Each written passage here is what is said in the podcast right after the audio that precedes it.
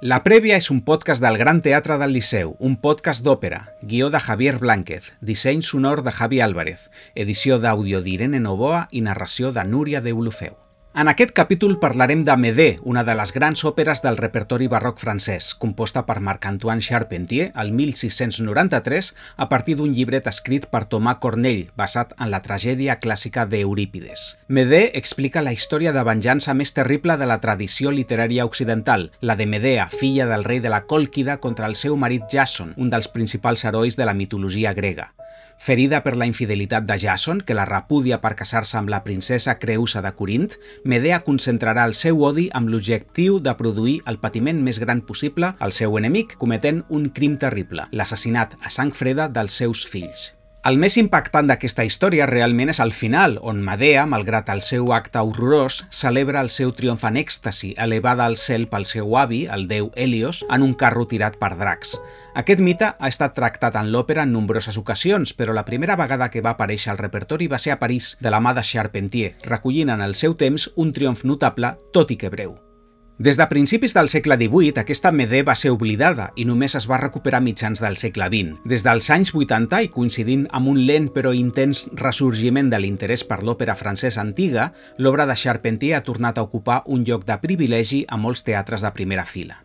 Dins d'aquest gènere, la tragèdia lírica, Médée és un títol especial perquè va desafiar vàries de les convencions inamovibles que el caracteritzaven, barrejant influències franceses i italianes. I també perquè transporta el mite de la Grècia clàssica a la fantasia barroca, restituint a Medea un paper que no hi era a Eurípides. Segons la tradició, Medea era també una fetillera, té poders i aplicarà aquests poders a l'òpera per consumar la seva venjança. La Médée de Charpentier també és un exemple perfecte de l'estil més equilibrat que es pot trobar entre els dos gegants de la tragèdia lírica, Jean-Baptiste Lully i Jean-Philippe Rameau, amb una orquestració rica en color, recitatius melòdics, petites àrees caracteritzades per la gràcia i l'equilibri, els números de ballet habituals i una alta densitat dramàtica. Es tracta d'una òpera de factura exquisida i exigència tècnica que escoltarem al Liceu en versió concert en una única funció, el dilluns 27 de novembre, amb un elenc de grans veus i sota la direcció d'un dels mestres més grans del nostre temps, l'anglès Sir Simon Rattle.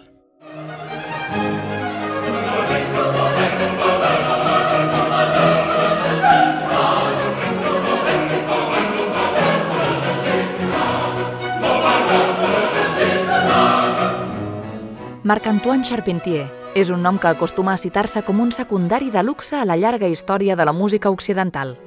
Però en realitat, el seu paper en l'evolució de l'estil barroc és importantíssima. I quan parlem d'ell, hem de tractar-lo com un gegant. D'una banda, és un dels pocs compositors que tots nosaltres en algun moment o altre de les nostres vides hem escoltat. El seu fragment més conegut és el preludi de Te Deum, un motet que es va recuperar d'igual manera que Medé a la passada dècada dels 50 i que va ser utilitzat com a himne de la Unió Europea de Radiodifusió. Seva és, per tant, la sintonia d'Eurovisió i d'altres retransmissions televisives emeses des d'Europa per al món. Però més enllà d'aquesta anècdota, Charpentier és un músic amb virtuts i obres notables. Per exemple, va escriure un tractat tècnic, Regles de composició, on va identificar diverses tonalitats del sistema harmònic occidental, amb diferents estats d'ànim. Per a Charpentier, do major equivalia a música marcial i alegre, i do menor a sons tristos i pessimistes.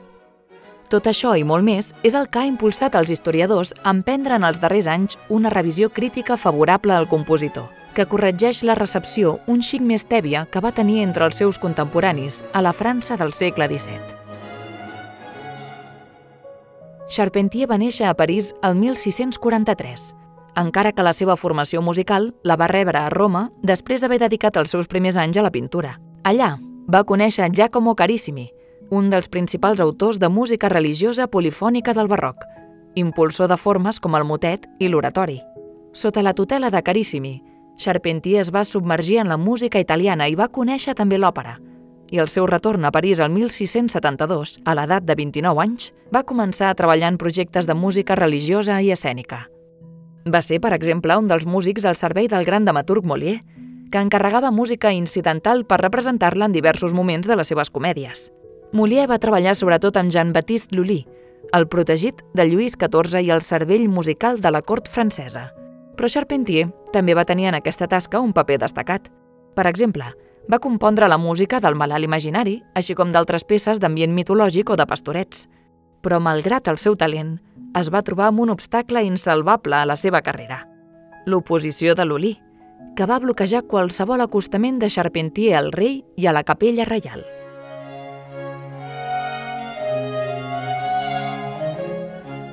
De fet, Medé va ser l'única òpera que va arribar a escriure Charpentier, si l'entenem com una obra fidel a les regles de la tragèdia lírica francesa, que precisament va codificar Lully, i només ho va poder fer el 1693, uns 10 anys abans de la seva mort i una vegada havia mort també Lully. L'estrena va ser al Teatre del Palais Royal de París, sota la protecció de l'aristocràcia, el germà de Lluís XIV i el príncep hereu, però sense la sanció favorable del mateix monarca. L'estrena de Medé va tenir una bona recepció per part de molts nobles, però no va tenir recorregut posterior perquè els partidaris de Lully, que encara exercia poder sobre la música francesa fins i tot després de mort, es van encarregar de desprestigiar l'òpera per haver fet Charpentier, al seu parer, una cosa imperdonable, incorporar influències de la música italiana. La tragèdia lírica francesa és un cas especial a la història de l'òpera barroca – Després del naixement del gènere a Itàlia i la seva ràpida expansió per Europa, França va decidir crear regles específiques per al nou espectacle. Seria un entreteniment per a la cort i no pel poble, protegit per l'Estat i en què es limitarien els accessos de l'estil italià del barroc avançat, com les àrees de capo espectaculars i les veus dels castrats. L'estil francès de Lully afavoria, en canvi, els temes mitològics i galants, la música incidental de ballet i l'escenografia fantasiosa, així com un estil instrumental sobri i una manera de cantar lírica farcida d'ariosos, és a dir, més recitada que no pas muntada sobre melodies elaborades. Totes les obres, a més, havien de començar amb un pròleg alegòric que transmetés un missatge de suport a la monarquia. Tanmateix, Charpentier va voler anar més enllà, convertint els fragments instrumentals de Medé en petites sinfonies a partir de tempos de ball com el rondó o la gavota, i amb una línia melòdica més clara i encantadora, que deixava enrere l'Ulí i anticipava el Händel de les òperes londinenques i els oratoris.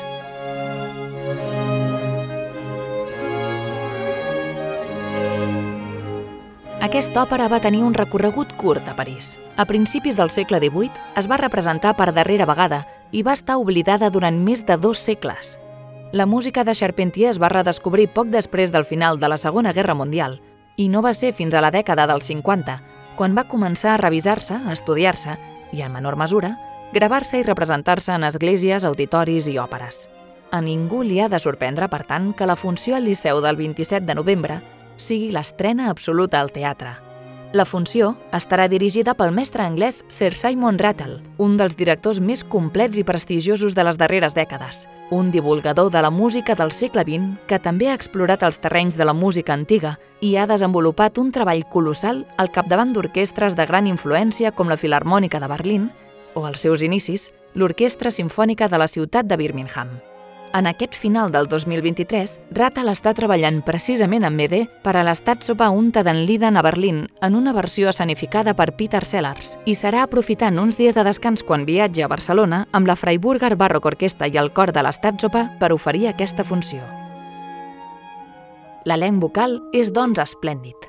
El paper de Medea el cantarà la gran dama de la música barroca del nostre temps, la mezzosoprano Magdalena Kotzena, que torna al Liceu després de participar la temporada passada en la representació del Xina, de Händel. La resta de cantants seran el tenor Reinut Van Mechelen, que cantarà el paper de Jason, el baix Luca Titotto, que serà Craon, la soprano Caroline Sampson, que tindrà el rol de Crausa, i dos papers menors, els Doronte i Claona, per al baríton Iula Orent i la soprano Angela Hicks. Amb aquesta fantàstica reunió de talent, podrem entrar al meravellós món musical de Charpentier i a la tèrbola història de Medea, un mite del qual el Javier ens dona a continuació més detalls. La coloratura. La coloratura. La principal font a partir de la qual coneixem Medea és la tragèdia d'Eurípides, escrita i estrenada a Atenes l'any 431 abans de Crist i amb la qual aquest va competir en el certamen de la 82a Olimpíada, quedant en tercer lloc. A l'antiga Grècia, les tragèdies no només eren espectacles escènics i presumiblement també musicals, sinó que eren una forma de competició, una mena d'esport intel·lectual i moral de gran importància per a la societat atenesa. A l'obra d'Eurípides, el que s'explica és l'episodi final de Medea, l'abandó d'allà Jason, que ha decidit casar-se amb la princesa Creusa de Corín, i el pla de venjança que ella trama per restituir el seu honor, provocant la mort de Creusa i també la dels seus dos fills. Però el mite de Medea és molt més extens, més complicat, i és en aquesta història anterior on es pot comprendre per què ella acaba prenent una decisió tan terrible.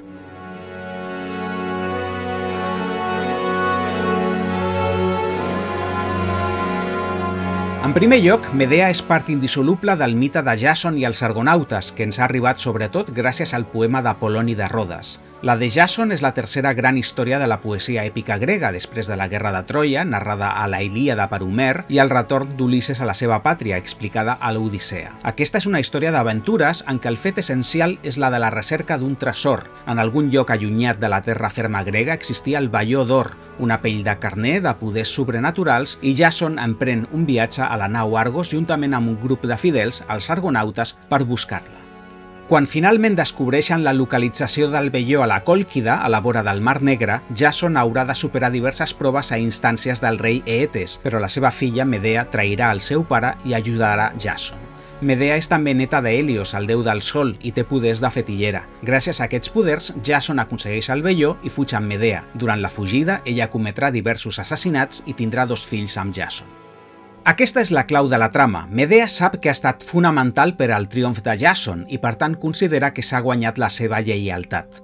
Quan arriben a Corín i ell la repudia per casar-se amb Creusa i així assolir un estatus aristocràtic que Medea ja no li pot proporcionar, ella se sent traïda de la manera més abjecta i considera que la seva venjança ha de ser proporcional. Un aspecte important a la transmissió d'aquesta història és que en la tragèdia d'Eurípides, Medea mai no es mostra com una bruixa, sinó com una dona de carn i ossos, sense cap més poder que la seva astúcia i la seva maldat. Tot i això, l'òpera de Charpentier recupera bona part de l'argument sobrenatural del mite i presenta Medea com el que és una semideessa amb grans habilitats. Aquest gir va ser una aportació fonamental del llibretista Tomà Cornell, que va adaptar l'obra que havia escrit per al teatre el seu germà, el famós dramaturg Pierre Cornell. I en aquell moment va reaparèixer per a la literatura europea un mite que no ha deixat d'emergir en diferents àmbits. Al teatre, la tragèdia d'Eurípides encara es compta entre les més representades de l'antiguitat, malgrat que el tema i la resolució de la història xoquen frontalment amb els valors actuals. Per desgràcia, continuen donant-se casos d'assassinats de fills a mans de les seves mares o pares, però a ningú se li acudiria presentar aquesta violència com un acte triomfal, com fa Eurípides. Alhora, Medea és un tema que ha donat grans versions a l'òpera i al cinema. Per exemple, després de l'estela de Charpentier, va ser un altre compositor, Luigi Cherubini, qui va signar l'òpera més cèlebre sobre aquest personatge terrible. La seva Medea del 1797, basada en un altre llibret en francès, diferent del de Cornell, correspon al subgènere del melodrama, un tipus d'òpera amb llargues parts recitades sense música que alternava un estil de composició italià i l'expressió dramàtica pròpia de la tragèdia lírica francesa. Actualment, la Medea de Cherubini és la versió operística més representada d'aquest mite, tot i que no l'única. Posteriorment se n'hi van apropar compositors de la primera edat daurada del bel canto com Saverio Mercadante o Simon Mayr. De fet, en aquesta temporada 2023-2024, molts teatres d'arreu del món estan recuperant Medea, ja sigui en les versions de Charpentier o Cherubini, perquè la relació entre Medea i l'òpera té un altre esdeveniment central més, en aquest cas al cinema, amb la pel·lícula de 1969 dirigida per Pier Paolo Pasolini i que va protagonitzar Maria Callas i de la qual ara es commemora el centenari del seu naixement. Maria Callas havia convertit la Medea de Cherubini en un dels seus millors papers com a soprano i Pasolini va voler aprofitar aquesta energia per a una pel·lícula que ampliava la història i recuperava tot l'arc argumental de Medea, des de la seva ajuda a Jason per aconseguir el Velló d'Or fins a la venjança final. Però el que més interessava a Pasolini era la força dramàtica de la Calas, perquè de fet no li agradava gens l'òpera de Cherubini, així que va donar a la diva grega un paper sense música on ella va poder demostrar que els seus dots com a actriu eren també portentosos. Aquesta pel·lícula no només connecta íntimament mite, òpera i cinema, sinó que ha contribuït a reforçar la presència de Medea com un dels arquetips més complexos i problemàtics de la cultura occidental.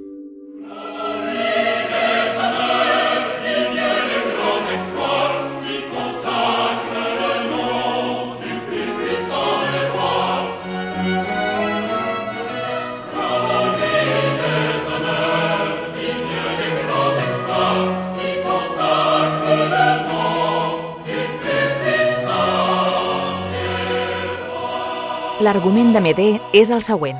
Com totes les tragèdies líriques franceses, abans que comenci la història assistim a un pròleg que celebra la grandesa del rei.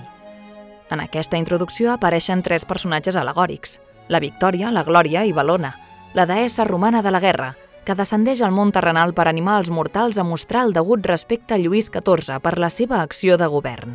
Un cop acaba el pròleg, el primer acte presenta Medea en un episodi immediatament anterior al començament de la tragèdia d'Eurípides, just després que hagi ajudat Jason a aconseguir el Balló d'Or. Després d'un llarg viatge i diversos crims a l'esquena, la parella arriba a Corint, on busquen la protecció del rei Creon i de la seva filla, la princesa Creusa. Jason convenç Medea perquè li regali a Creusa un vestit, i així guanyar-se el favor de la família reial. Però la seva veritable intenció és una altra. Jason s'ha enamorat de la princesa, però Creusa està promesa a Moronte, el príncep d'Argos. De tota manera, el rei Creon prefereix que sigui Jason qui obtingui la mà de la seva filla. Jason ho agraeix ajudant a Creon a combatre contra Argos, aconseguint per ell una victòria militar.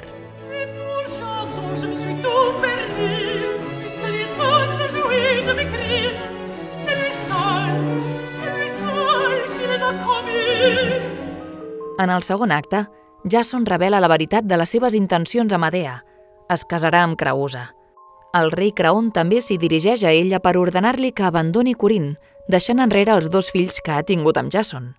Medea sent una fúria incontenible.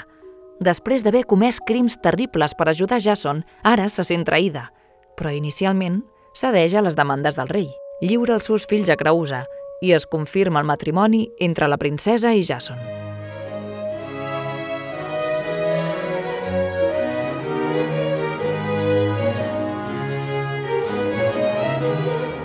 En el tercer acte, Medea es troba a Moronte i aquest li promet que tindrà la seva protecció a Argos quan surti de Corint, però abans l'haurà d'ajudar a casar-se amb Creusa. Medea accepta ajudar l'enemic del seu enemic i es mostra impassible davant els pregs de Jason. Ell diu que si ha pres aquesta decisió és per protegir els seus fills i la mateixa Medea, ja que a Corint estaran segurs.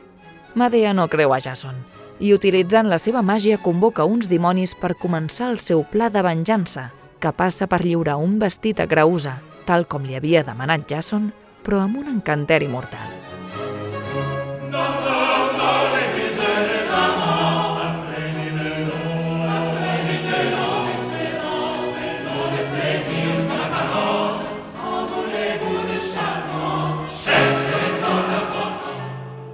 Al quart acte, Creusa rep el vestit. El casament és a prop i tant Medea com Oronte confirmen que la situació els perjudica. Oronte no podrà tenir Creusa i Medea haurà d'abandonar Corint. De fet, Creon insisteix Medea que ha de marxar quan abans millor. Ella utilitza la seva màgia per provocar la bogeria a Creon i ajornar un dia més la seva partida, que és el temps que necessita per consumar la seva venjança, que tindrà lloc al cinquè acte. Primer, mata els seus dos fills.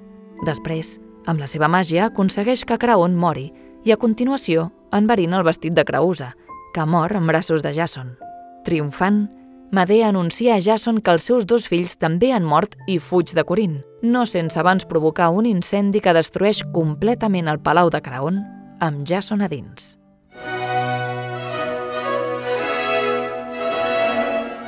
És innegable que Medea és un personatge fascinant, precisament perquè ens fa fixar-nos en molts dels racons foscos de l'ànima humana.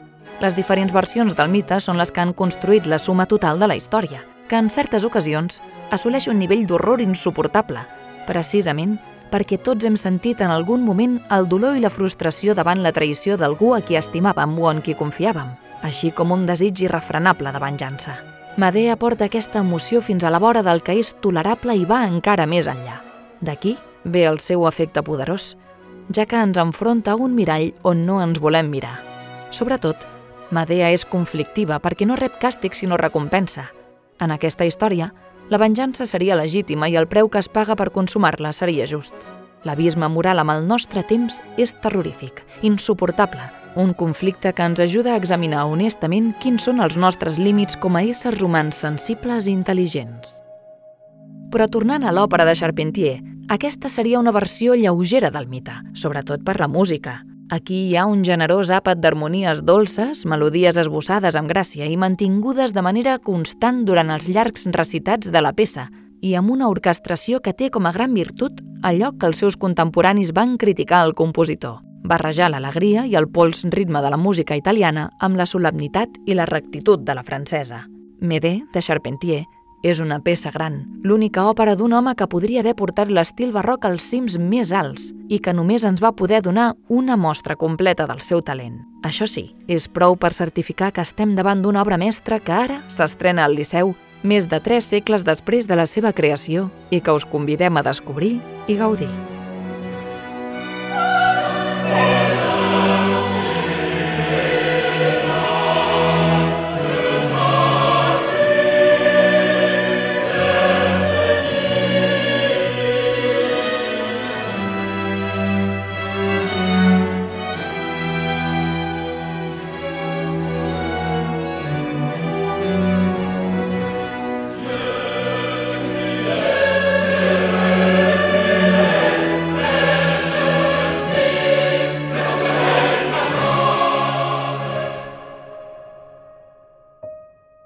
I fins aquí la prèvia de Medé, un podcast que busca complementar i enriquir les òperes del Liceu, produït per la Màquina de Luz i amb la participació del Gran Teatre del Liceu.